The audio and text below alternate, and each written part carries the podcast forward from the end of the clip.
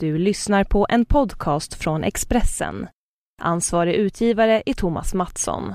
Fler poddar hittar du på expressen.se podcast och på iTunes.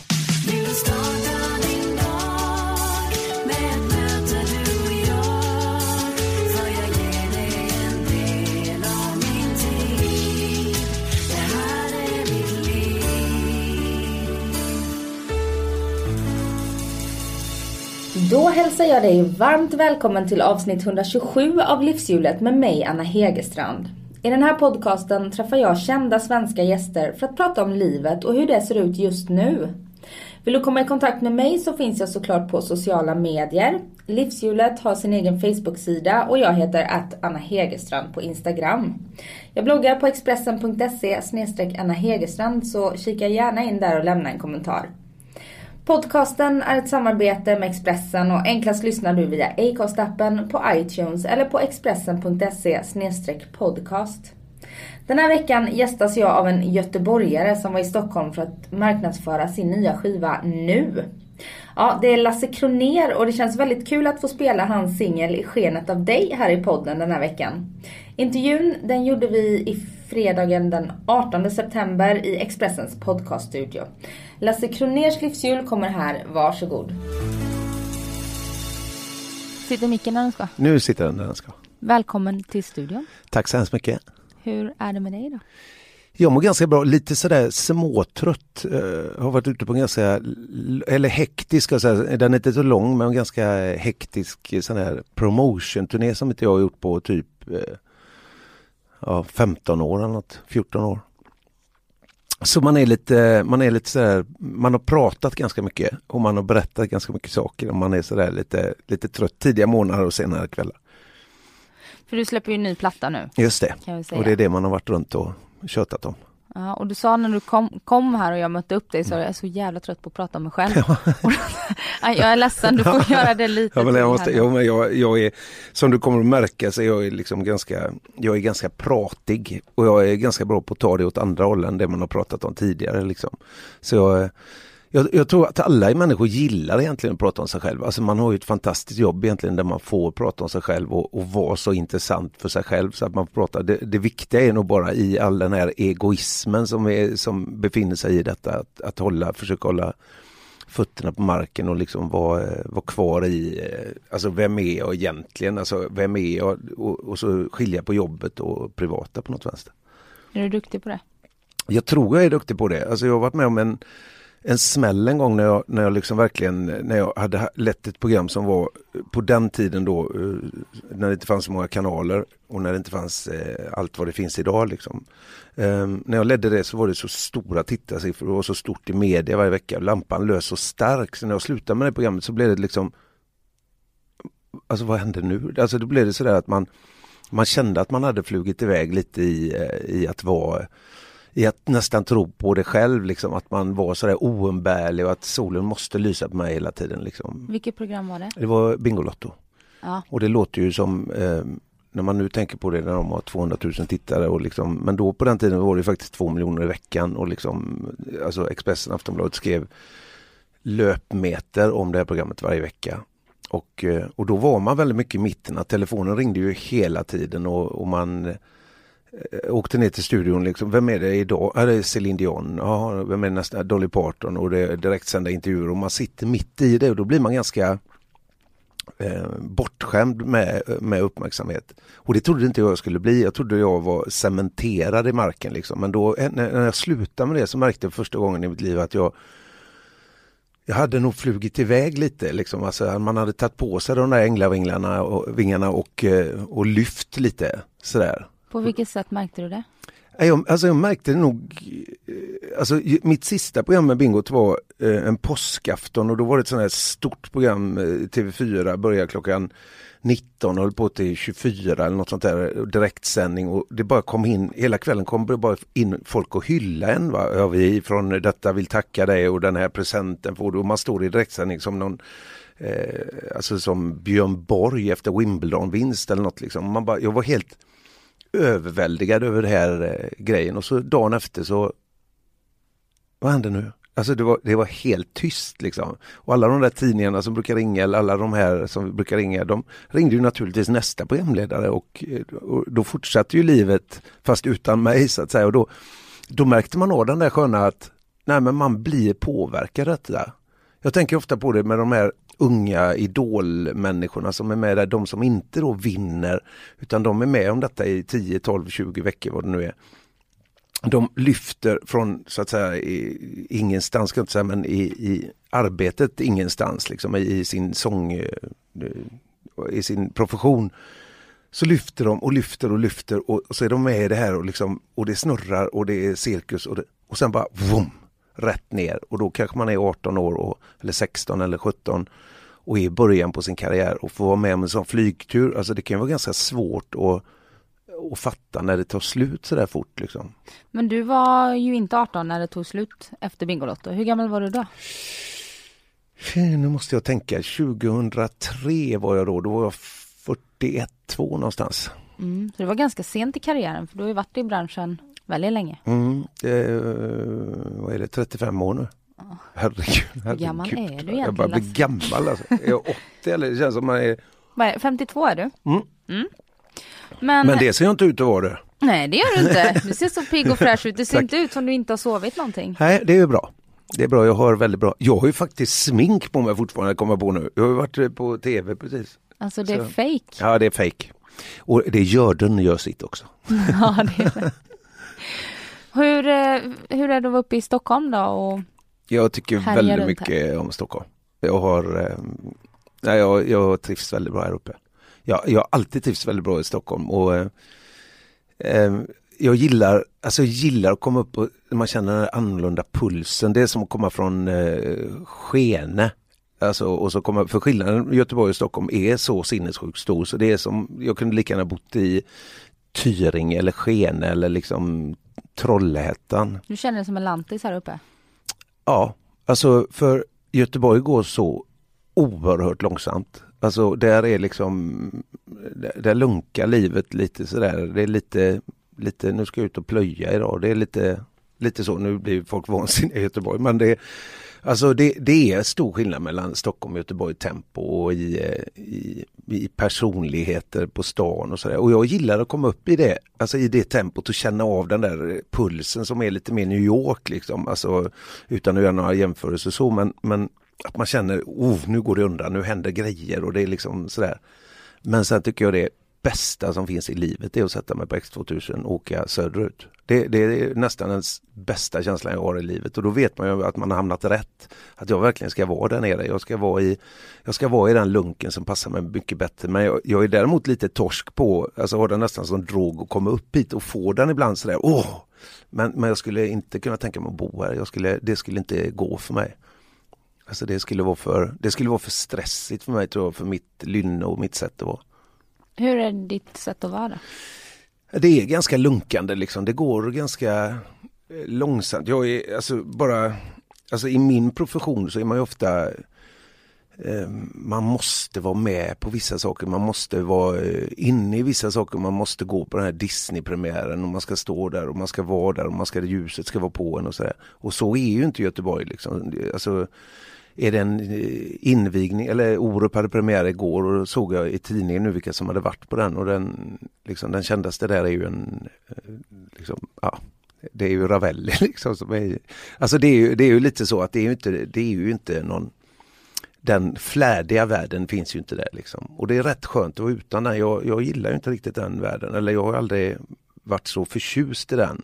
Jag kan föra mig i de lokalerna också men jag, jag trivs ju väldigt mycket bättre att sitta och prata med de arbetarna som sitter och bygger om er foyer där nere nu. Alltså där trivs jag mycket bättre. Kanske skulle plockat upp dem här. Ja, ja det, är, alltså det, och det är faktiskt så varenda, varenda gång så hamnar jag med, med den typen av, av människor och det, det bottnar säkert i min Alltså extrema arbetarbakgrund liksom där jag är uppfödd på, på liksom med toalett på gården och liksom kylen är tom och du vet allt sånt där. Så man, man har väl gått någon form av klassresa genom livet, alltså där man i början, de första de här fina middagarna man var på, när man inte fattade att man inte skulle doppa händen, liksom, att man inte skulle dricka den där skålen med citron i, utan att man skulle doppa händerna i den och att var besticken låg. Och det var ju sånt som naturligtvis inte jag hade lärt mig längs min väg, liksom, men man har fått lära sig längs vägen. Det kom med jobbet då? Ja, det tror jag. Att man sakta och försiktigt har fått lära sig. Jag kan ju fortfarande inte klä mig dock. Jag klär mig alltid fel. Det spelar ingen roll. Eh, det spelar ingen roll. Det går aldrig rätt för mig. Skjorta och kavaj har ja, du idag. Men det funkar ju. Nu har jag alltid gjort det. Men man vill säga, skulle jag gå i kortbyxor, vilket jag nästan alltid gör, och skjorta hängande utanför och liksom lite någon munkjacka eller något sånt där. Jag klär mig som en mupp. Va? Hade jag bott här i Stockholm så hade jag varit Sveriges sämsta klädda man varje år. Liksom. Så, det är, så jag, äh, jag, jag, är inte så bra på det livet liksom. Just det där runt omkring, alltså min bransch runt omkring liv, där funkar inte jag så bra. Nej, jag läser mellan raderna att du har lite svårt för det här skitnödiga i branschen. Ja, alltså jag kan få lite spel på, eller jag bryr mig inte så mycket om man ska vara helt ärlig, men jag kan få lite alltså produkt i komplexet, att man är så himla att vi som då gör detta, vi som då roar andra människor eller vi som står på scen eller vi som är i media eller vi som är i tv, vi, vi är så mycket bättre än de som tittar på oss. Och det, det kan störa ihjäl mig alltså. Att någon som då syr en kudde i TV4 helt plötsligt är jätteduktig och, och är fantastisk men att den människan som tittar på har inte vatten värd. Jag, jag fattar inte det. För jag, liksom, jag tycker sådär, alltså när man har de där mötena med människor, alltså de där riktiga, när man bara känner att man får liksom, någon kommer fram till en på stan, vilket händer mig exakt varenda dag och det händer ju lika ofta i Stockholm som i Göteborg eller som i Säffle liksom att folk kommer fram och bara pratar med en och berättar någonting som de har upplevt med en, liksom där man har gjort, där jag kanske gjort någonting, stå på scen eller varit i tv eller vad det nu är. Och då har den här människan en historia och berättar någonting där den har en upplevelse med mig. Fast jag inte har varit där så att säga rent fysiskt. Och de, de storyna och de ögonblicken, alltså de tycker jag är sådär, eh, de är liksom hela anledningen att man, att man gör detta på något sätt. Jag, jag, tycker det är så himla fint. Jag älskar människor. Alltså jag, jag verkligen är total människofreak. Men inte när människor blir sådär att, att man är för mer än någon annan och liksom och tro sig vara, vara bättre. Jag, nu låter det som jag är Jesus men det är liksom eh, men jag, jag känner ganska starkt då. Men även de här ögonblicken när, när folk kommer fram och berättar om upplevelser de har haft och sådär, det är ju en jäkla boost. Och bekräftelse, har du gjort dig beroende av den tror du? Och vilken bra fråga. Jag, jag, skulle, det, skulle det vara slut idag så att säga, jag skulle gå ut härifrån detta huset nu och så skulle jag uppleva nu har jag blivit väldigt van med den då i och med att jag har hållit på så länge. Men skulle det inte vara så så tror jag faktiskt att jag hade saknat det. Så då måste det vara ett beroende. Alltså det finns ju Vårat jobb har ju ganska många former av beroende. Alltså en, ett beroende är ju att nervositeten innan du ska gå in och göra ett gig till exempel. Alltså jag är ju lika nervös varenda gång och, då, och det styr jag själv. För jag har bestämt mig att varje tio minuter, första tio minuter på, mitt, på mina gig måste vara nya varenda gång och de måste vara improviserade. Jag får, aldrig, jag får aldrig tänka en sekund innan jag går in på scen vad jag ska göra. Utan jag måste gå in och så och så måste det börja explodera i huvudet liksom. Och det, den, att göra det på det sättet gör att jag alltid blir lite nervös, att jag får den där fjärilen i magen liksom. Man inte vet vad som ska hända. Nej, man är liksom, oh shit, bär, eh, alltså bär marken här nu framför mig eller isen liksom. Och det gör att men när du sen har klarat ut det och sitter efteråt eller kommer in eh, backstage, jag hittar inget annat ord, bakom scen är ett bra ord. eller två till och med. Eh, så när jag kommer in där bakom och man känner den här alltså den här känslan i kroppen, den, alltså den drogen är oslagbar. Alltså det är den bästa drogen i mitt liv. Liksom. Den, den ger mig alla kickar jag kan få. Så, det, så den är jag naturligtvis beroende av då. Och så ser jag säkert beroende av den här lampan som då lyser på en när man står i tv-studion där eller något. Så, så att säga att jag inte skulle sakna det, då hade jag ljugit tror jag. Har du några andra laster? Snus. Ja, det ser jag. Mm. Jag snusade aldrig innan 12. Det är någon sån här grej. Så de har på SVT har de börjat lägga möten efter tolv. Det är faktiskt sant, pinsamt nog så är det sant. Jag har tydligen lite sämre humör innan tolv verkar det som. Eh, nästan pinsamt säger det men jag snusar aldrig innan tolv och snusar ganska mycket. Så snus är en last. Eh, Ramlösa en last. Eh, Ramlösa missbrukar jag nästan. Hoff kan jag tycka är väldigt gott också. Det är inte en last men det är gott. nattmack. Nog inte heller en last faktiskt, men det kan vara gott. Innan du somnar på kvällen eller går du upp på natten när du... Nej, nej, nej, inte så allvarligt. Det är mer att jag ofta kommer hem sent och så sitter jag ofta och jobbar och så sen, sen blir jag hungrig. Jag blir hungrig på så konstiga tider. Det är väl därför man ser ut som man gör antagligen. Jag, jag är inte frukostkillen. Jag tror jag har bott på hotell i, Ja, det skulle förvåna mig om jag inte snittar 200 dagar per år på hotell. Så jag har bott ganska mycket på hotell genom livet liksom, och tycker kanske hotell är det absolut tråkigaste som finns på jorden. Jag kommer ihåg när jag var gift och min fru kom hem. Kan vi inte åka iväg och göra något och bo på hotell? Och jag liksom, äh, spyr, vill vara hemma. Men hotellfrukost kan jag nog räkna upp. Alltså jag överdriver nog inte om jag kan säga tio gånger kanske. Har jag varit på en hotellfrukost. Det är nämligen hotellfrukosten som är det bästa Exakt. med att bo på hotell. Alla säger så. Och alla säger det är så fantastiskt. Men jag fattar inte det, gå upp nyvaken och sitta bland andra människor och äta som man, man känner. Jag har aldrig förstått det. Nej. Det är liksom, man, man, ser helt nyvaken ut och i vissa fall, det kanske är för att vissa då tittar på en och att man känner sig lite uttittad på morgonen och då ska man inte vara uttittad tycker jag. Det är liksom, eh, nej hotellfrukost är inte min grej. Ska vi hämta kaffe? Ja! Vi tar en paus. Vill du ha mer kaffe? Ja. Ja, men då kör vi. Ja.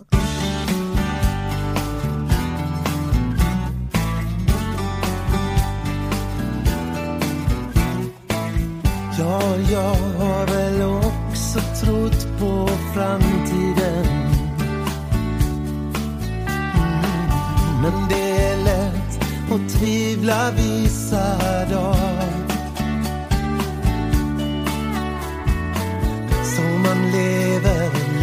lever och den som lever får se. Det man en gång inte fattar fanns det ändå någon mening med? För när morgonen faller sakta ner och solljuset vinner ditt ansikte förstår jag att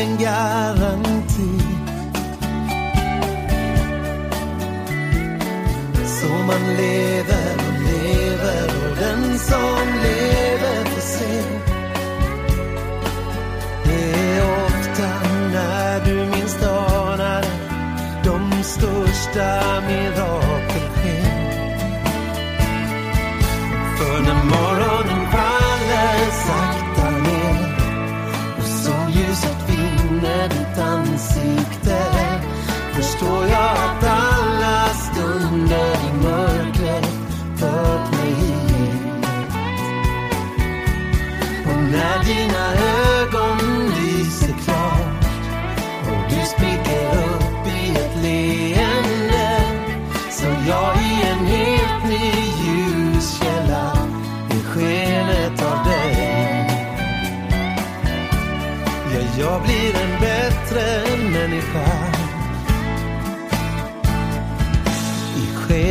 skenet av dig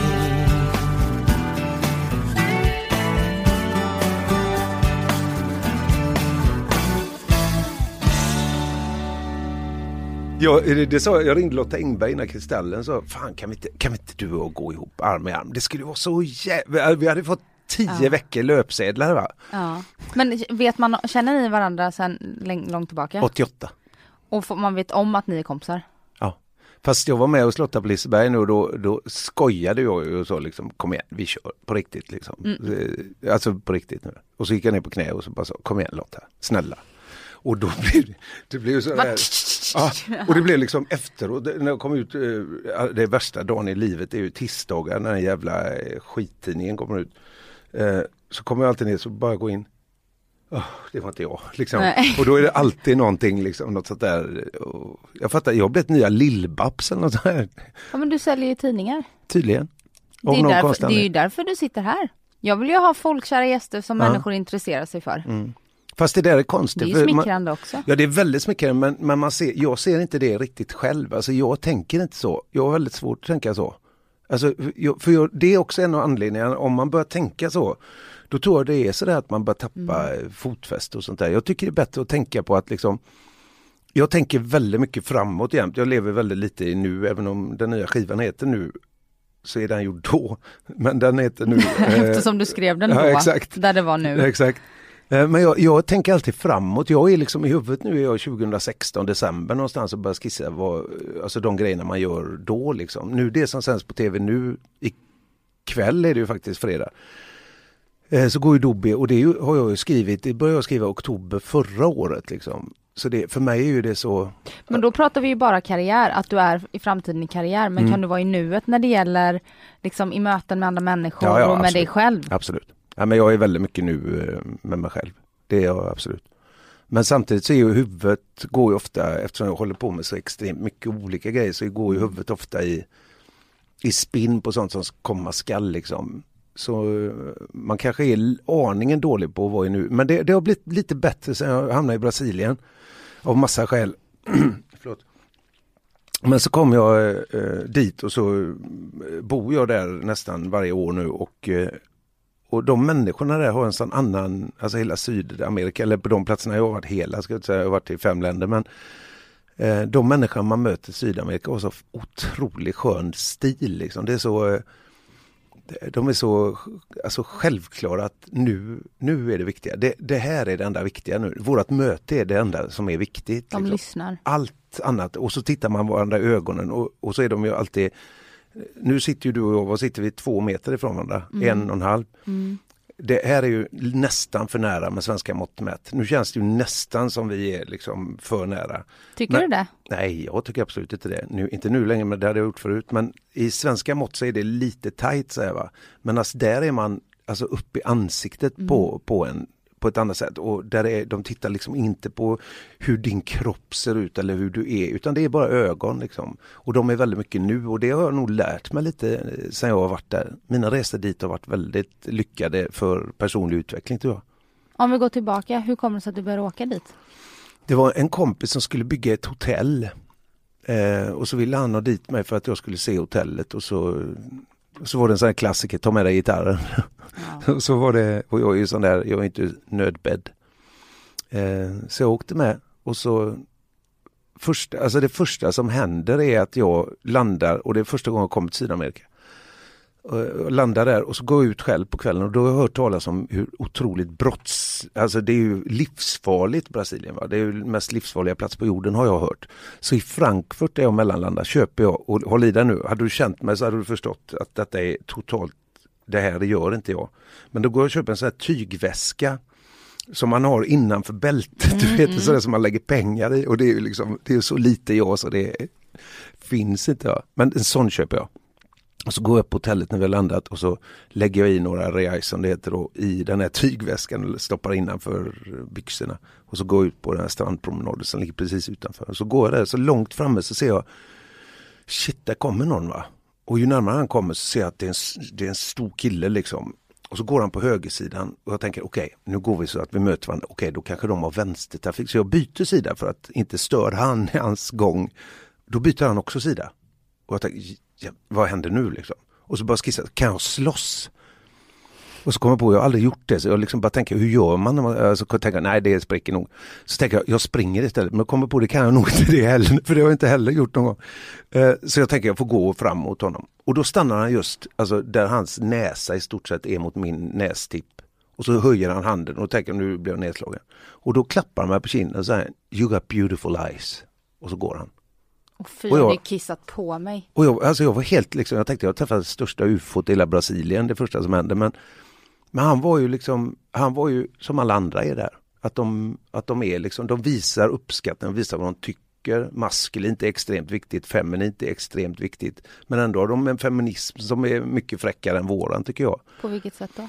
Att, eh, att de har att rollerna är så att rollerna är så starka i hur kvinnan är, hur stark kvinnan är och hur viktig kvinnan är, där man verkligen lyfter kvinnan eh, liksom i arbetsliv. Nu, nu, pratar jag, nu generaliserar jag när jag pratar om ett land som är 19 gånger Sverige. Liksom. men, men det jag har sett, det lilla. Kulturen liksom. Ja, alltså där man, där man höjer kvinnan men också höjer mannens eh, maskulinitet. Kan det man en- bejakar sina, sitt Se- kön på något sätt. Verkligen. För alltså. det är lite, det känns som att det har blivit lite fult att göra det i Sverige och jag kan tycka att könsroller kan vara väldigt eh, vackert. Jag tycker det är fräckast som finns. Jag sen, får, det- sen får folk absolut, alltså sen får folk vara med, vem, vara kära i vem man vill. Alltså, att, Ja, det, alltså gud det har jag ja. inga nej, som nej, helst. men det handlar liksom. inte om det. Min, min snubbe tvättar hemma, alltså, Ja. för han tycker det är kul. Ja. Men jag tycker det är roligare med städning och laga mat och det är Mm. nästan som att, ja fast det ska delas lika för att det ska vara så.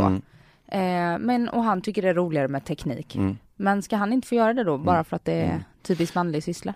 Ja, men vi, vi har, alltså, jag kan känna ibland att man har och, och detta är också en sån här grej som är lite svår att prata om för att den, det är så också lite svenskt skitenödigt att vi vet bäst. Vi är, alltså, vi är lika många i detta landet som det bor i en förort till Hamburg. Liksom. Alltså, och vi är alltid så broduktiga i att så här är det och så här ska det vara. Och det är säkert någon som lyssnar på detta nu som blir vansinnig på mig över att jag säger detta. Men, men jag tycker att maskulint är jävligt fräckt. Och jag tycker att feminint är extremt fräckt. Och sen vad man gör med den maskuliniteten eller feminiteten, ord jag använder. Eh, alltså vad man gör med detta sen är helt upp till var och en naturligtvis. Men jag kan gilla jag kan gilla en kvinna som är kvinna och jag kan gilla en man som är man. Men jag kan också gilla en kvinna som är väldigt manlig. Alltså, alltså jag, man gillar alla men jag tycker det är fräckt när vi är, när vi vågar vara de vi är. Konstigt det lät. Nej men jag förstår vad du menar. Ja, bra, hoppas alla andra gör det också. Ja. Annars kanske jag måste skriva en bok, en avbön. Tala ut. Ja exakt, tre, tre böcker blir det. Du har aldrig skrivit någon bok? Hallå! Vad är detta för research? Jag som har gjort en kokbok. Ja det vet jag om mackor ja. du, Men nu, nu Jag är snackar ju författare för ja, fan. nu snackar jag riktig bok. Du, jag har idag i min dator eh, 54 kapitel av någonting som började på ett tåg en gång i tiden. Mhm. Där jag bara helt plötsligt kom på en idé. Och så började jag skriva på den. Och den här idén har då hållit i sig, nu är det säkert åtta år sedan jag började med det. Och nu är det 54 kapitel och det kommer hela tiden in nya personer. Nu, nu har de sist dök upp en familj i 50-talets Amerika. Och den här familjen, hur de, och jag vet inte vad jag ska med dem till, de bara kom och så skriver jag om dem. Och så, det är lite kul att få leka gud och le, leka vad, vad den här kvinnan ska ha för hur hon är och hur jag formar henne och hur hon försvinner iväg och vad hon och så vidare. Och så, vidare så jag tycker det är ett skitkul medie, så det skulle vara roligt att jag satt, jag satt faktiskt, konstigt nog, satt och läste igenom det bara för två veckor sedan, allt, alla kapitel och då fick jag säga Fan, det här är ju lite spännande, vad ska, det, vad ska detta ta vägen liksom? Är det en roman då? Ja, men, det, men absolut inte, alltså jag tror aldrig jag kommer ge ut den men det är bara lite roligt att göra det. Det är bara kreativt konstigt. Så här. Det känns som att nu för tiden så om man är ett känt ansikte, Mm. ett, ett namn, så kan man ge ut en bok. För då får man hjälp med Ja. redaktörskap och Ja. sådär och så, så länge det säljer och Ja. du är så pass folklig. Fast det där känns lite, i så fall skulle jag nog ge ut den under pseudonym bara för att inte få det så. Tror jag. För du inte vill sälja böcker. Jag ska kalla mig för Stig Larssons. jag ska lägga till ett S och liksom. Eh, mannen som satsade på hästar ska den heta tror jag. Ja, eller? Men den här med om boken om mackor då? Det var ett spännande Oj, tema. oj, oj, oj. Varför gjorde du den? Du, alltså den, det här är den sanna story. Jag vet inte hur lång eh, tid vi har på detta programmet men det här är faktiskt den sanna historien och den är nästan skrämmande. Vi sitter på mitt landställe och så sitter en kille där som jobbar som redaktör uppe i Stockholm och han, hans fru och vi har jättetrevligt. Jag går upp och gör en förrätt till, och jag älskar att laga mat, så jag går upp och gör en förrätt och så gör jag en varmrätt och så gör jag en efterrätt och så går jag ner till bryggan med detta och så sätter, eller sätter vi oss ner vid altanen där och så ska vi käka. Och så säger han när vi har den här förrätten då som bara egentligen är en macka liksom. Fast jag tatt, jag improviserar det som finns i kylen. Och han, detta, du detta var godaste jag har ätit. Alltså detta är helt fantastiskt. Liksom. Vad har du kommit på den här? Ja, men det bara liksom har du recept på detta? Och så blir man ju som man blir. Ja herregud, jag har ju många recept. Hur många har du? 200 kanske. Liksom. Du ljög om det då? Ja, såklart jag gjorde. Så han, vi måste göra en bok. Och jag, jajamän, såklart vi ska göra en bok, självklart. Och så börjar han, ja, då får du sommaren på det och så får du skissa på och så ska vi ha hundra recept på detta. Jajamän, så jag. Han skickade något mejl i månaden. Så där, ja, hur går det? Ja, ja, visst, då hade jag ju kommit in i någon sushi-period så jag gjorde bara sushi. Så jag gjorde ju inte den här typen av förrätt längre. Så helt plötsligt så började mejlen komma närmare och närmare. Och helt plötsligt är det den dagen, eh, kvällen innan jag ska upp till Stockholm och göra den här boken. Och jag har inte ett recept. Då har jag liksom hållit på med tusen andra saker och glömt av detta. Och sitter i nästan panik klockan sju hemma i Göteborg och bara får så här, jag måste skriva detta nu. Så jag sätter mig på kvällen och börjar skriva recept. Och skriver 80 recept. Jag orkade, jag orkade fram till 80, sen orkade jag inte mer. Klockan var fem på morgonen. eller något. Och då skriver jag de här recepten och liksom, nu ska vi se, vad ska vi ta? Mm, Parmaskinka tar vi, blir bra. Och så tar vi melonglass. och detta är sant tyvärr. Och så det blir bra. Och sen åker jag upp till Stockholm dagen efter. Sätter mig på X2000, åker iväg och handlar allting. Åker iväg från en taxi med alltså det var 65 kassar eller något. Upp till den här studion, ställer mig, hackar allting, gör allting, varje recept jag har skrivit på natten. Och så gör jag den och så går den till fotografen, han fotar mackan och sen går mackan till en jury som står där på tre sådana här kulinariska människor. Och då står de, mm, här förstår vi hur du har tänkt med mm, där sältan möter suttman. Och, och jag, hade som melonglass på mackan. ja, och det var ju bara en av alla konstiga ingredienser. Och där står den här juryn och liksom och detta som jag bara kommit på natten innan, va? där står de och verkligen utvärderar mitt arbete. Det var ganska speciellt. Och sen glömde jag av boken igen. Eh, åker ner till Göteborg och helt plötsligt kommer det en sån stort bokpaket här med lådan. Och, då, och de döpte den till 80 väldigt goda mackor. Och på framsidan är en bild på mig som, alltså skjut mig. Det är en sån bild som man liksom, den, den hade jag tagit ut min privata eh, fotoalbum, hade jag tagit bort den bilden. Den är på första sidan. Så det var sådär, åh, så, alltså, måste jag leva med dessa 30 000 ex? Och det var jag tvungen med. Den har sålt till 30 000 ex. Ja du. Det är konstigt. Och vad gick de pengarna tror Nej, berätta. Nej, det har jag ingen aning. jag har Du har inte sett. fått några pengar. Jo, jo, det kanske jag har fått. Jag har inte så bra koll på det. Nej, jag vet att du har jättemycket pengar men du gillar inte pengar. Jag vet inte ens att jag har jättemycket pengar. Det, var ju, det var ju, känns ju Det ganska har ju media rotat fram att du har jättemycket pengar. Ja fast media, det, det, det, det där... Det Eller där var något- det lögn? Nej, jag, jag, klarar mig jättebra. Men, men det där tänker jag på varenda gång när de skriver så här mycket tjänar kändisarna. Och så liksom tittar de på Alltså de tittar på vad de tar ut i lön och så tittar de på, okej han har 470 000. Men de tittar aldrig på bolagets omsättning vilket är totalt, jag har aldrig fattat Men det hade de ju, för då, du var ju inte med i en lista där det stod så här tjänar kändisarna utan du var ju, hade ju en egen artikel där det stod miljonregn över Kroner. Oj, den har inte jag sett. Eh, Det är bra att inte läsa de här tidningarna tydligen. Men du var intervjuad Har jag va? alltså fått ett Du- miljonregn? Ja, grattis! Ja det, det skulle jag vilja vara med om faktiskt. Ja, nej inte- men där stod det redovisat liksom vad du hade och, Okej. du, och du har själv sagt att ah, men jag är inte så intresserad av pengar. Nej men jag är väldigt ointresserad av pengar. Men- Vilket eh, naturligtvis har visat sig genom åren att man har råkat ut för lite konstiga grejer. Alltså? Eh, Ja, men man, alltså, om, man är, om man är någon som folk tror tjänar väldigt mycket pengar och kanske då är intresserad så blir man, blir man inbjuden till investeringar och sånt där och då är man ju liksom ja det ska jag vara med, det är ju jätteroligt liksom. Kan man göra luft och vatten Ja du vet liksom och så blir det någon så här dårgrej. Så jag har väl varit med i lite konstiga saker som man inte borde ha gjort. Som man kanske hade haft mer pengar idag om man hade tänkt till lite. Men så ofta har man så mycket att göra så man liksom har sagt ja till någonting och så blir det så. Jag tror jag har blivit väldigt mycket klokare naturligtvis med åren.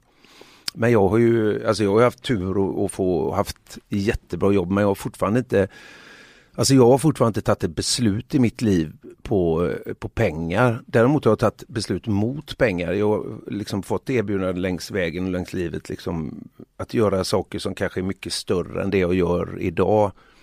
Som hade genererat mycket mer men jag tackar nej av, av skäl som är att nej men jag tycker inte det är så kul eller jag, jag tror inte jag är bra i det eller jag tror inte jag kan göra detta rättvisa liksom. Och då, det är rätt skönt att inte ta beslut på grund av pengar liksom utan, utan ta besluten på hur hjärtat eh, känner och hur, hur man mår med det liksom. Mm. Men då krävs det också att man har en viss stabilitet för att kunna ha den friheten. Så är det ju. Och då är det ju liksom alltid den där klassiska att man blir så fruktansvärt trött på folk som har pengar som alltid säger pengar är inte det viktigaste. Och så, och så tänker man på en trebarns frånskild mamma som bor i Biskopsgården i Göteborg och liksom inte har pengar till mat. Liksom, där barnbidraget blir eh, månadens höjdpunkt. Liksom. Och, det är, alltså det är, och jag blir lika trött på sånt med och så sitter jag och säger samma sak själv. Men, det, men för, för mig är det faktiskt så att jag är inte intresserad av pengar. Jag är väldigt ointresserad av pengar. Vad köper du för dina pengar då?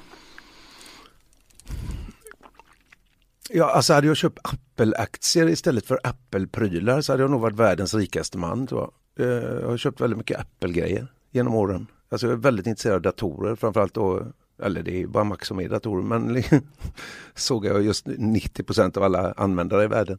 Eh, jag är väldigt eh, intresserad av det företaget, har varit i alla fall, nu tycker jag de är rätt trötta. Eh, det har jag köpt mycket. Eh, köper inga bilar, jag är ingen sån bilkille. Jag kör omkring i en gammal Prius. Eh, jag, eh, vad köper jag? Gillar, Mat! Ja, jag tänkte precis säga, du gillar att laga mat. Ja, jag köper, du jag köper väldigt, råvaror? ja det gör jag. Jag köper väldigt bra eh, grejer. Alltså gillar och, och gillar att experimentera och alltid skönt att ha saker hemma. Jag kan vara lite, där kan jag vara lite slösaktig. Sen kan jag vara lite slösaktig på mig själv när det gäller att ehm, uppleva tror jag. Att, ehm, att gör jag någonting så gör jag det gärna fullt ut. Och så slösar jag på, på flyg. slösar jag. Eh, är det långresor så tar jag gärna, eh, alltså flyger gärna så man kan sitta bra. Business. Ja, eller det har till och med skett att jag flugit första klass liksom. Alltså det, det kan jag tycka är Ja, Jag kan tycka att när jag ska dit och så ofta ska jag jobba på platsen jag kommer liksom. Och då kan jag tycka att det är skönt att komma utvilad och liksom verkligen kunna sätta igång med det man ska göra direkt. Och, så där slösar jag faktiskt på mig själv. Mm. Men det, Eller det får man. investerar. Ja, investerar i mig själv tror jag faktiskt. Ehm, och det, det kan jag känna. Och så är man så stor, alltså jag är ju så pass stor, alltså jag är ju 1,90 och, och ganska lika bred liksom. Så det är rätt skönt att sitta där inne och det skulle ju naturligtvis alla vilja ha det så liksom. Men jag, det har jag tagit ett beslut på att där slösar jag lite på mig själv. Mm. Så det, är- det är ganska skönt. När det kommer till att eh, din hälsa och, och vad du investerar i dig själv, tänker du mycket på det? Jobbig den tystnaden blev faktiskt kände jag. Men eh, alltså jag tänker väldigt, väldigt mycket mer på det nu än, eh, än förr. Jag började träna för 15-14 år sedan kanske. Och då vägde jag 136 kilo. Då. Alltså jag var som en sån blob. Liksom bara stor. Eh. Och så gjorde jag mitt första spinningpass. Eh, och gjorde en och en halv låt och sen gick jag ut och spydde faktiskt rätt. Alltså jag var helt, alltså jag var så i fruktansvärt dålig kondition så det, jag kunde knappt gå upp för en trappa liksom. Jag var När väl, var det här? Kan det ha varit 93, 4, 5 någonstans. Jag var där någonstans. Eller kanske tidigare ändå, jag kommer inte riktigt ihåg. Eh, jag är dålig att titta bakåt men eh, i alla fall. Och så, eh, så började jag med spinning och, och efter jag hade gjort den där och när jag, när jag upptäckte hur extremt dålig form jag var i och så såg jag alla de här på den här klassen som fortsatte passet och kunde stå och kunde göra alla de här grejerna så fick jag så här Gör inte jag detta nu så dör jag antagligen liksom. Och då, det var nog första gången jag reagerade på häls, alltså vilken dålig kondition jag är i. Och då bestämde jag mig att en gång i veckan ska jag göra det här spinningpasset. Om, om jag så ska ha feber ska jag göra detta passet. Jag ska liksom inte en enda gång eh, skippa det. Och så verkligen gjorde jag det. Till slut efter hur lång tid det nu tog så kunde jag stå på den låten. Jag kunde stå nästan hela den låten och kunde göra det och kunde så blev man ju starkare och starkare och, och mer och mer. Och efter jag hade gjort det några år så blev jag så fruktansvärt trött. För då fortsatte jag och så ökade jag det till tre pass i veckan. Och så, så blev jag så otroligt trött på musiken för då var det alltid någon ung tjej som stod där framme. Kom igen nu då! Och så ns, ns, ns. Och jag bara stryp henne va. Det är liksom, jag orkar inte med den musiken. Så då var jag tvungen att ta instruktörs eh, egen, alltså bli instruktör själv. För att om jag ska ändra musiken så måste jag ju bli instruktör. Så nu har jag tre pass i veckan och det har jag haft i, ja, jag har nog haft i tio år liksom. Jag, hade ingen aning om att du var utbildad spinninginstruktör. Nej, det är inte många som har. Och det är alltid lika kul när det kommer in någon sån 18-årig kille på passet, tittar upp mot mig och liksom, ja men vad fan, ser man i hans ögon så vet man bara, ska döda dig ungjävel. Liksom bara. Så jag är världens sämsta spinninginstruktör, det är bara liksom total egotripp hela tiden för att jag inte blev vald i skolan. Ja, hur var det i skolan? Jag var väldigt mycket i klassens clown. Alltså jag var, för det första var jag ganska eh, väldigt, väldigt populär bland tjejerna konstigt nog. Uh, fram till femman någonstans. Uh, väldigt pratig och sen kom en ny kille i klassen i sexan och uh, om man kommer som ny och han var ganska stark så är det första man gör är han skannade av vem som var poppis liksom och då var jag ganska poppis i skolan och han utsatte mig för ganska jobbig mobbing måste man säga att det var och då blev det Att han vågade gå på den som var poppis. Ja fast han gjorde det på ett smart sätt. Han, han var ganska utstuderad med det där och liksom fick med sig liksom mina kompisar. Så plötsligt blev det ganska ensamt. Eh, vilket eh, med facit i hand det är nog det bästa som har hänt mig. För då under den tiden lärde jag mig väldigt mycket spela gitarr och lärde mig extremt mycket låtar. Och liksom, så, eh, alltså med, när man tittar bakåt så fanns det en anledning till att det blev ju så. Liksom. Men den, den perioden var ju naturligtvis jobbig att vara i den åldern och var eh, ganska stor redan då och liksom ganska åsidosatt. Eh, vilket gjorde att man alltså utvecklade ganska stor blyghet. Jag var extremt blyg eller blev extremt blyg. Men hade alltid det här eh, snabba i, alltså var snabb i käften och kunde alltid slänga en kommentar även om man på den tiden då fick stryk för det egentligen för att man eh, ja, att man var lite utsatt är väl rätt ord. Men sen så, så blev den här gitarren mitt, mitt vapen liksom att man eh, att man kunde någonting. Jag hade, på den tiden fanns ju fritidsgårdar vilket var ett av, vilket fortfarande är ett av de bästa sakerna som man kan ha eftersom det finns vuxna människor med barn och ungdomar eh, som inte är föräldrar. Eh, och jag står och tuffar mig på den här fritidsgården en kväll för att visa mig på stuva linan och är väldigt tuff mot han som hette då Janne Stensson som var en eh, fritidsledare. Och alla ropar Lasse, Lasse och jag var tuffast i världen och åker ut därifrån och då säger han du är portad en vecka. Och så fattar jag att jag hade gjort fel, går tillbaks till han dagen efter och ber om ursäkt väldigt mycket. Och han tar ursäkten och säger det är okej. Okay. Kan jag komma ikväll då? Nej, du är portad en vecka. Och den veckan var, alltså var man extremt ensam liksom för alla var på den här gården. Och, och när jag kommer tillbaka så gör han Alltså det smartaste en vuxen kan göra i det läget. Han hade sett något hos mig och han, det han hade sett var liksom att det fanns en muskalitet och det fanns någonting. Så han ger mig diskjockeyjobbet på den här gården där jag då får bli diskjockey för ett lilldisco i och för sig för barn och ungdomar. Men han ger mig också ett, en möjlighet att varje lördag spela för de, eh, mer, eh, för de äldre då som var 17 till 21 eller vad de var. Och då fick jag uppträda för dem varje vecka. Eh, och, vilket gjorde att jag övade in nya låtar hela tiden för lördagsgigget jag skulle göra då. Och där någonstans började nog min, eh, min även att jag spelat och sjungit hela tiden, men där började den mer prof, liksom professionella sidan vakna på något sätt. Så det var, det var eh, alltså väldigt, väldigt smart av honom. Och jag har tackat han väldigt många gånger i både i media och eh, privat. Liksom. Han, eh, det var exakt så som en fritidsledare ska vara. Han såg någonting och han såg någonting alla, inte bara i mig utan han hjälpte även andra. Liksom. Placera ut på rätt plats. Mm. Och på tal om musiken så är du aktuell nu eh, med en ny platta Mm. som heter Nu. Mm. Varför valde du att döpa den till Nu? Ja det är egentligen helt idiotiskt för den borde heta Då för den, alltså plattan har varit på gång så länge. Men varenda gång jag skulle att ge ut den så, är det, så har det hänt någonting. Alltså då har det kommit en ny serie eller någon ny turné eller alltså teaterföreställning eller vad det nu har varit. Så den har hela tiden fått putta på sig så den har legat klar ganska länge. Och sen hade jag ett skivbolag på den tiden som blev uppköpta och det blev Alltså som musikbranschen är idag att det är ganska snurrigt liksom och jag blev väl lagd i någon malpåse någonstans på ett kontor liksom.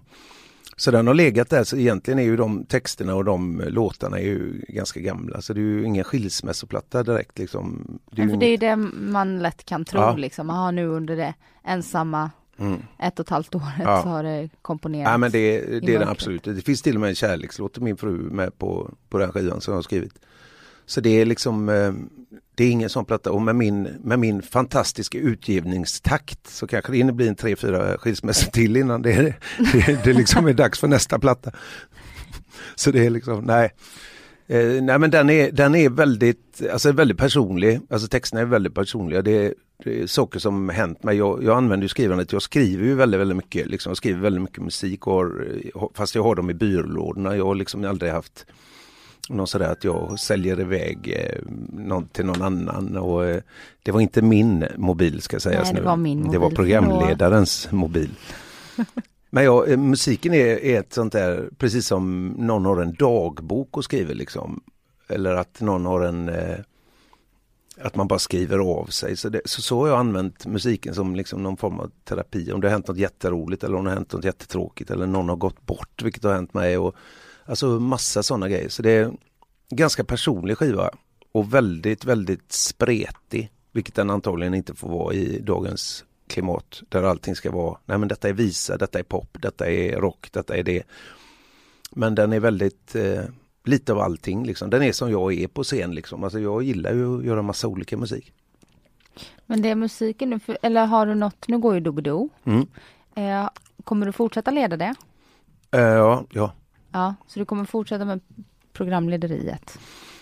Ja, alltså jag har, eh, jag har kontrakt en liten tid till med, med SVT. Så, men jag ser ju aldrig jag ser ju aldrig mitt jobb som att jag är programledare. Det, det ser jag som bisyssla för mig. Och det är ju För det är många som ser dig som programledare. självklart. Och så, alltså, eh, när mediatakten är så snabb som den är idag. Jag menar Snoddas gick in eh, 1962 eller 3 i Hylands hörna och efter det kunde han turnera 35 år i parkerna. Liksom. Idag, idag, eh, nu sänds Dobro just ikväll som då är en fredag och om inte det hade sänts så hade det kommit fram någon och sagt Vad, har du lagt av? Har du slutat? Alltså för det går så fort idag media liksom. Det, idag kan man inte liksom eh, Idag måste det hända något hela tiden. Alltså det går väldigt fort idag. Så det är, att folk ser mig som programledare är en självklarhet. Alltså jag har inte gjort en skiva på 13 år eller jag har liksom inte stått på scen på det sättet på, på ganska många år. Liksom. Och varenda gig jag gör så, är ju, så kommer ju folk- fram och liksom frågar kan du sjunga? Jag hade ingen aning. Liksom. Och det är ju så. Så det, det är bara att hacka i sig. Mm. Så därför är det ju nästan ännu roligare att, att kunna prata om det igen för detta är ju någonting, jag fick den i handen igår för första gången skivan liksom och det, alltså det var sån där tillfredsställelse jag liksom bubblade inuti, det var verkligen få öppna den och liksom åh, alltså det var, det var verkligen det var en sån ego-boost liksom. Har du bokat upp någon turné? Har du någon inget turnéplan nu? Nej, inget sånt. Inget Eh, sånt. Nej, men jag har alldeles för mycket att göra med andra grejer. Så jag liksom, nu, nu passade det bara att släppa den. Att, att jag hade liksom tre veckor att kunna eh, liksom lägga de tre veckorna till detta. Sen har jag för mycket med andra grejer att göra. Så det är, men, men min musik är mycket mer tidlös. Det är liksom inte handlat om att eh, Släpper vi den inte nu så är den musiksorten över imorgon utan det är mer att eh, detta kan jag göra om två år. Det spelar liksom ingen roll. Det, det ordnar sig liksom. Och detta är nog eh, att släppa en skiva idag, framförallt en skiva som du har betalat själv, vilket jag har gjort med denna. Och jag har spelat in den dyrt liksom. Alltså jag har gjort det på Beatles-sättet att vi, jag har tagit mina russin bland kamraterna liksom. Alltså de bästa jag vet, liksom Anders Widmark på piano som är virtuos liksom. Och symfoniorkester och liksom verkligen betalat dyrt för arrangemang och gjort allting sådär jätte, jättefint som jag tycker. I mina öron fint. Um, så vet man ju att jag kommer, alltså det är ju en förlustaffär. Jag kunde ligga kastat pengarna från Skeppsbron liksom. Det är, så är det ju men, eh, men det finns någonting att göra en skiva som är ett, det är ett, eh, ett bokslut på något sätt att där är jag nu liksom. Alltså, och så har vi gjort bokslut på det och sen kan man gå vidare och så, och så börjar det nya. Nästa skiva ska absolut inte ta eh, 12 år. Den ska komma ut inom tre år, det är jag helt säker på. Jag undrar, du gick in i väggen för nio år sedan. Mm. Du har ju otroligt mycket på gång hela tiden. Mm. Har du samma energi nu som innan och samma stresstålighet? Jag tror man har lärt sig lite av det där. För det var, alltså det var en, en period i livet som var Eh, alltså väldigt, väldigt, väldigt speciell där extremt många människor hade försvunnit. Och där jag hade varit inne i, eh, liksom stått i direktsändningar och min mamma gick bort dagen innan. Samma sak min syster på, på samma sätt. Liksom. Man, fick bara, man fick bara ta bort det på något sätt och bara köra på. Så jag tror att det där kom ikapp mig och det kom ikapp mig i Karlstad på scen. Jag var ute på turné med Sanna Nilsen, Lasse Berghagen och London Community Gospel Choir. Ganska stor turné och väldigt, väldigt bra turné. Alltså jag hade skrivit mycket av manuset och det var liksom, det var skitkul, det var fullsatt och det var verkligen en väldigt rolig turné. Och så står jag i Karlstad på det här gigget och då har vi kanske gjort 24 gig eller något sånt där. Och så står jag och så bara helt plötsligt känner jag benen, alltså bara la av. Alltså jag trodde på riktigt jag fick en hjärtinfarkt. Alltså jag, jag vet ju, jag har aldrig fått den så jag vet inte hur det funkar men Men jag liksom bara, jag dö, nu dör jag liksom. Och bara hela kroppen skakade och liksom, och sen var det bra när jag gick av scenen igen. Men sen kom det när jag gick på scenen, alltså det blev någon sån här, och då hade jag innan varit en sån här som tror att gå in i väggen, det är, alltså det är bara något som någon har kommit på för att de ska vara sjukskrivna liksom. Det, alltså jag tyckte det verkligen var total nonsenssjukdom.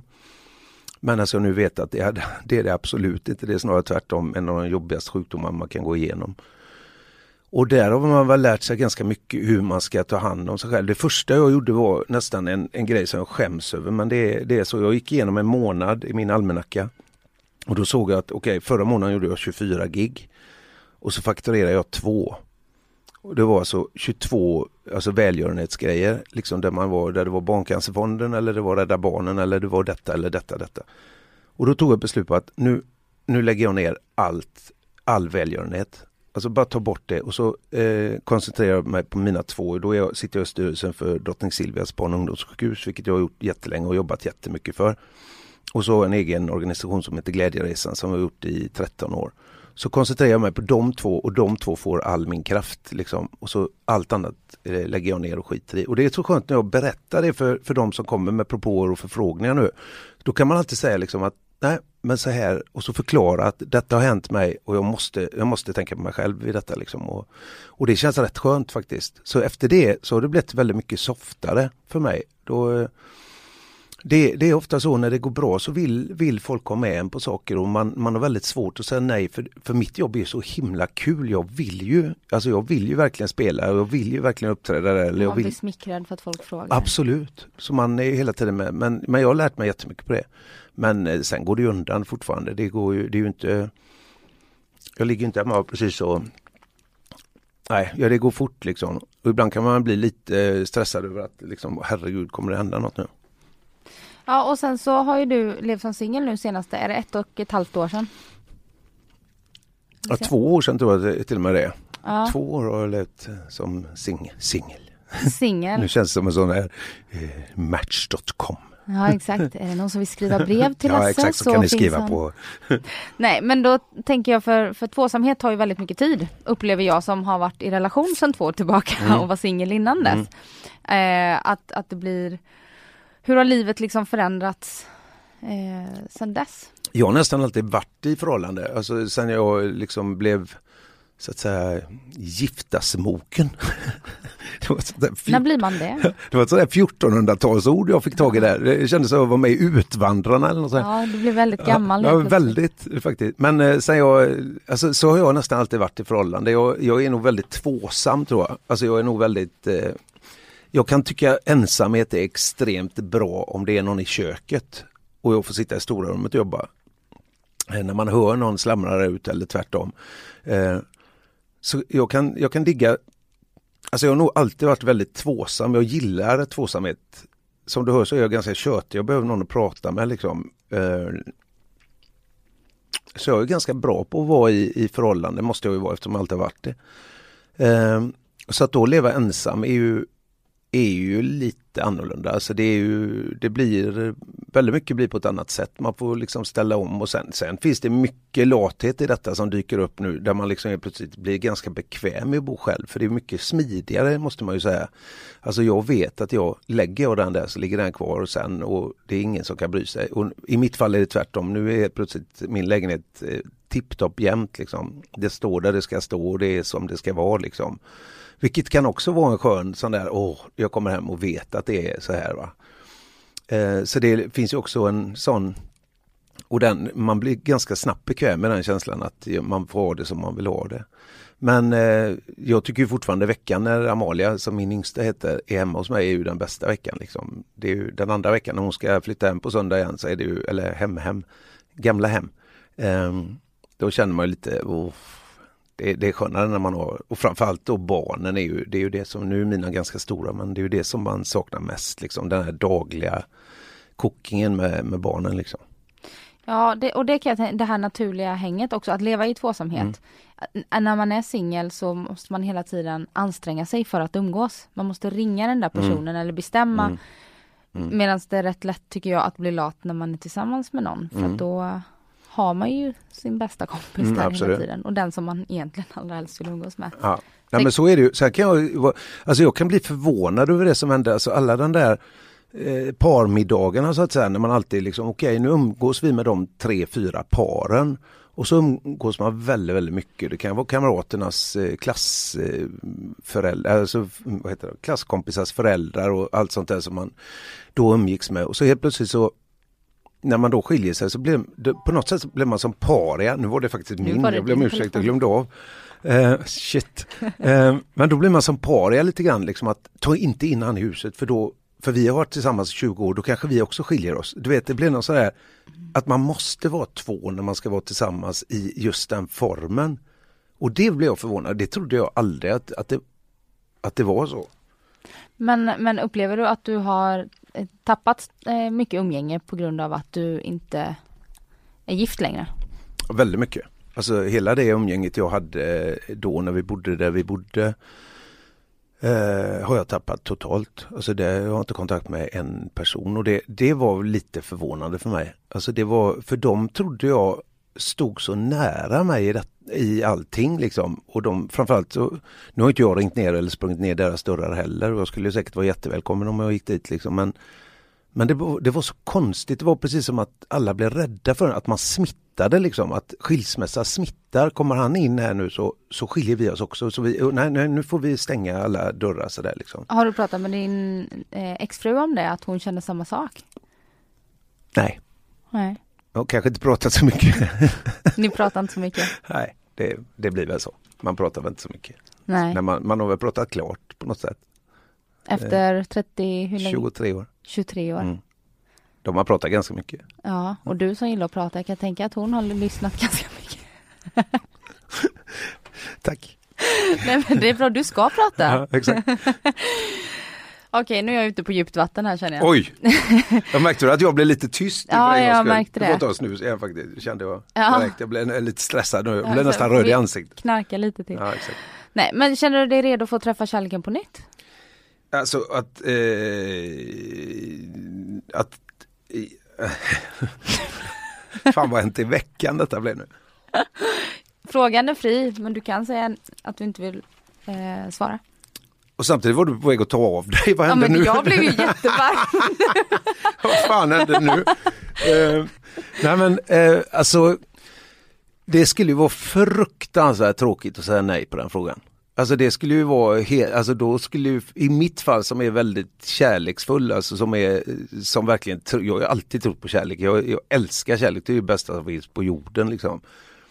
Och att då säga nej, att man inte tror på det, det, alltså det skulle för mig vara, det varenda por i kroppen skulle vända på sig liksom. Jag, jag tror ju självklart på att eh, att det finns en annan pusselbit någonstans som kommer att passa ihop med mitt konstiga pussel. Liksom.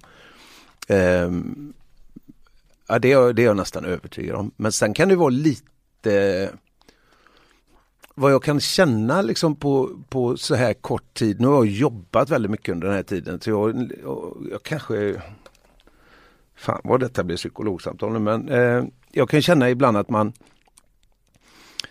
Alltså har jobbat, alltså att man har begravt sig nästan lite i jobb för att inte ta tag i, i den privata biten. Och då kan jag känna att privata biten kan bli lite, eh, lite komplicerad när man är offentlig liksom. Och det kan bli lätt att man gömmer in sig i den gängen som har samma eh, upplevelser eller jobbar med samma sak. Mm.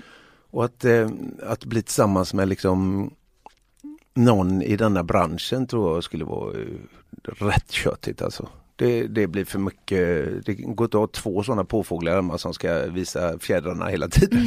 Det blir lite för mycket. Ehm, nej men det, jag, tror att det, jag tror att det löser sig. Jag, jag är inte det minsta orolig, men jag märker skillnaden på mig själv att jag går inte ut själv liksom att eh, nu ska jag gå på krogen och liksom eh, Jag tror du skulle bli rätt uppvaktad om du gick ut. Folk gillar ju dig.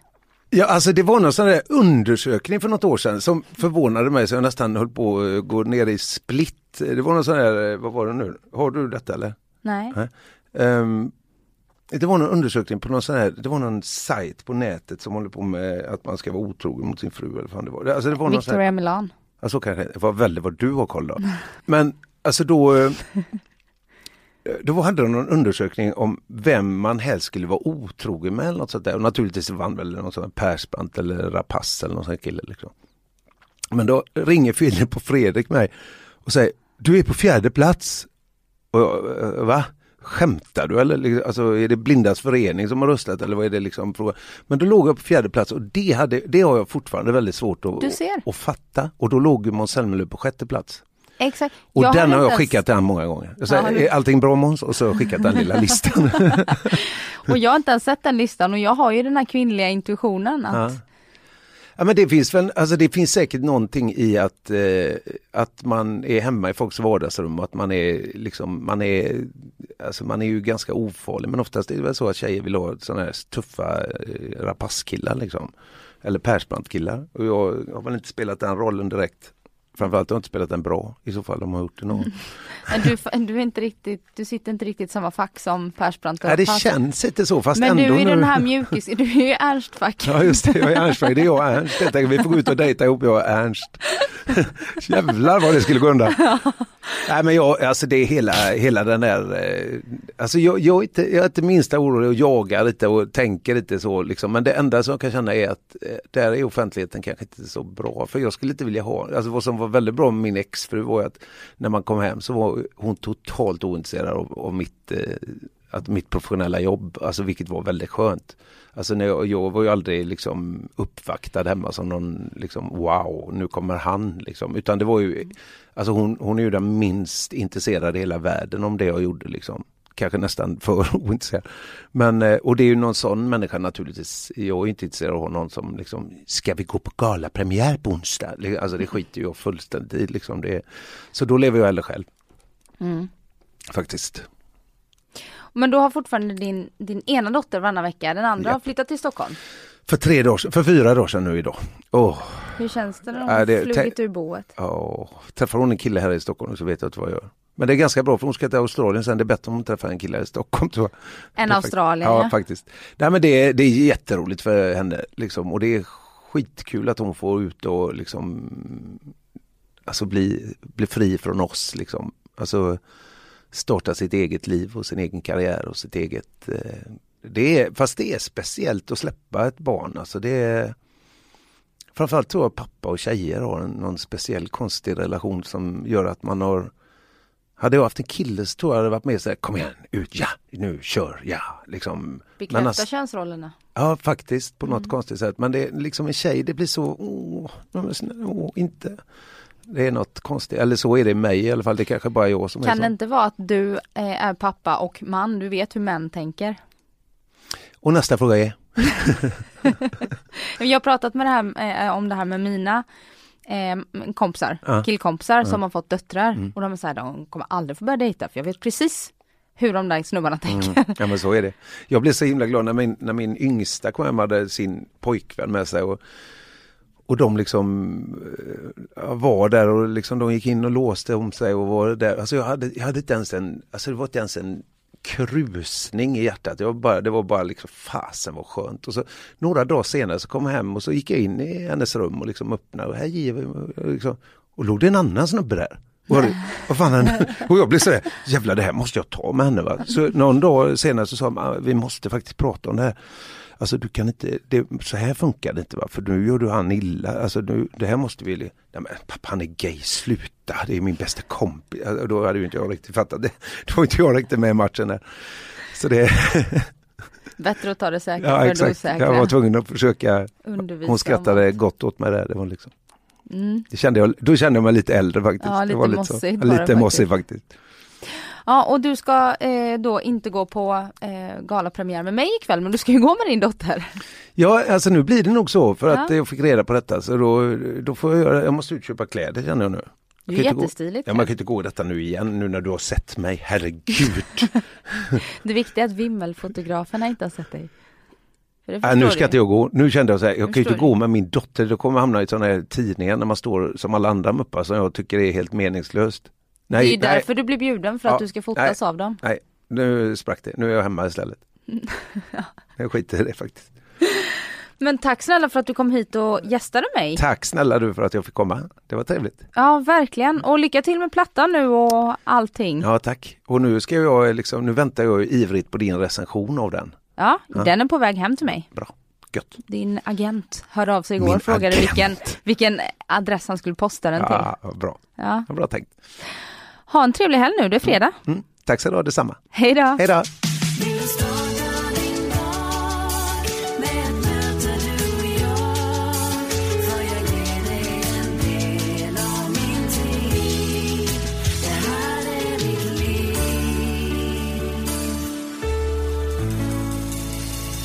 Du har lyssnat på en podcast från Expressen. Ansvarig utgivare är Thomas Mattsson. Fler poddar hittar du på expressen.se podcast och på iTunes.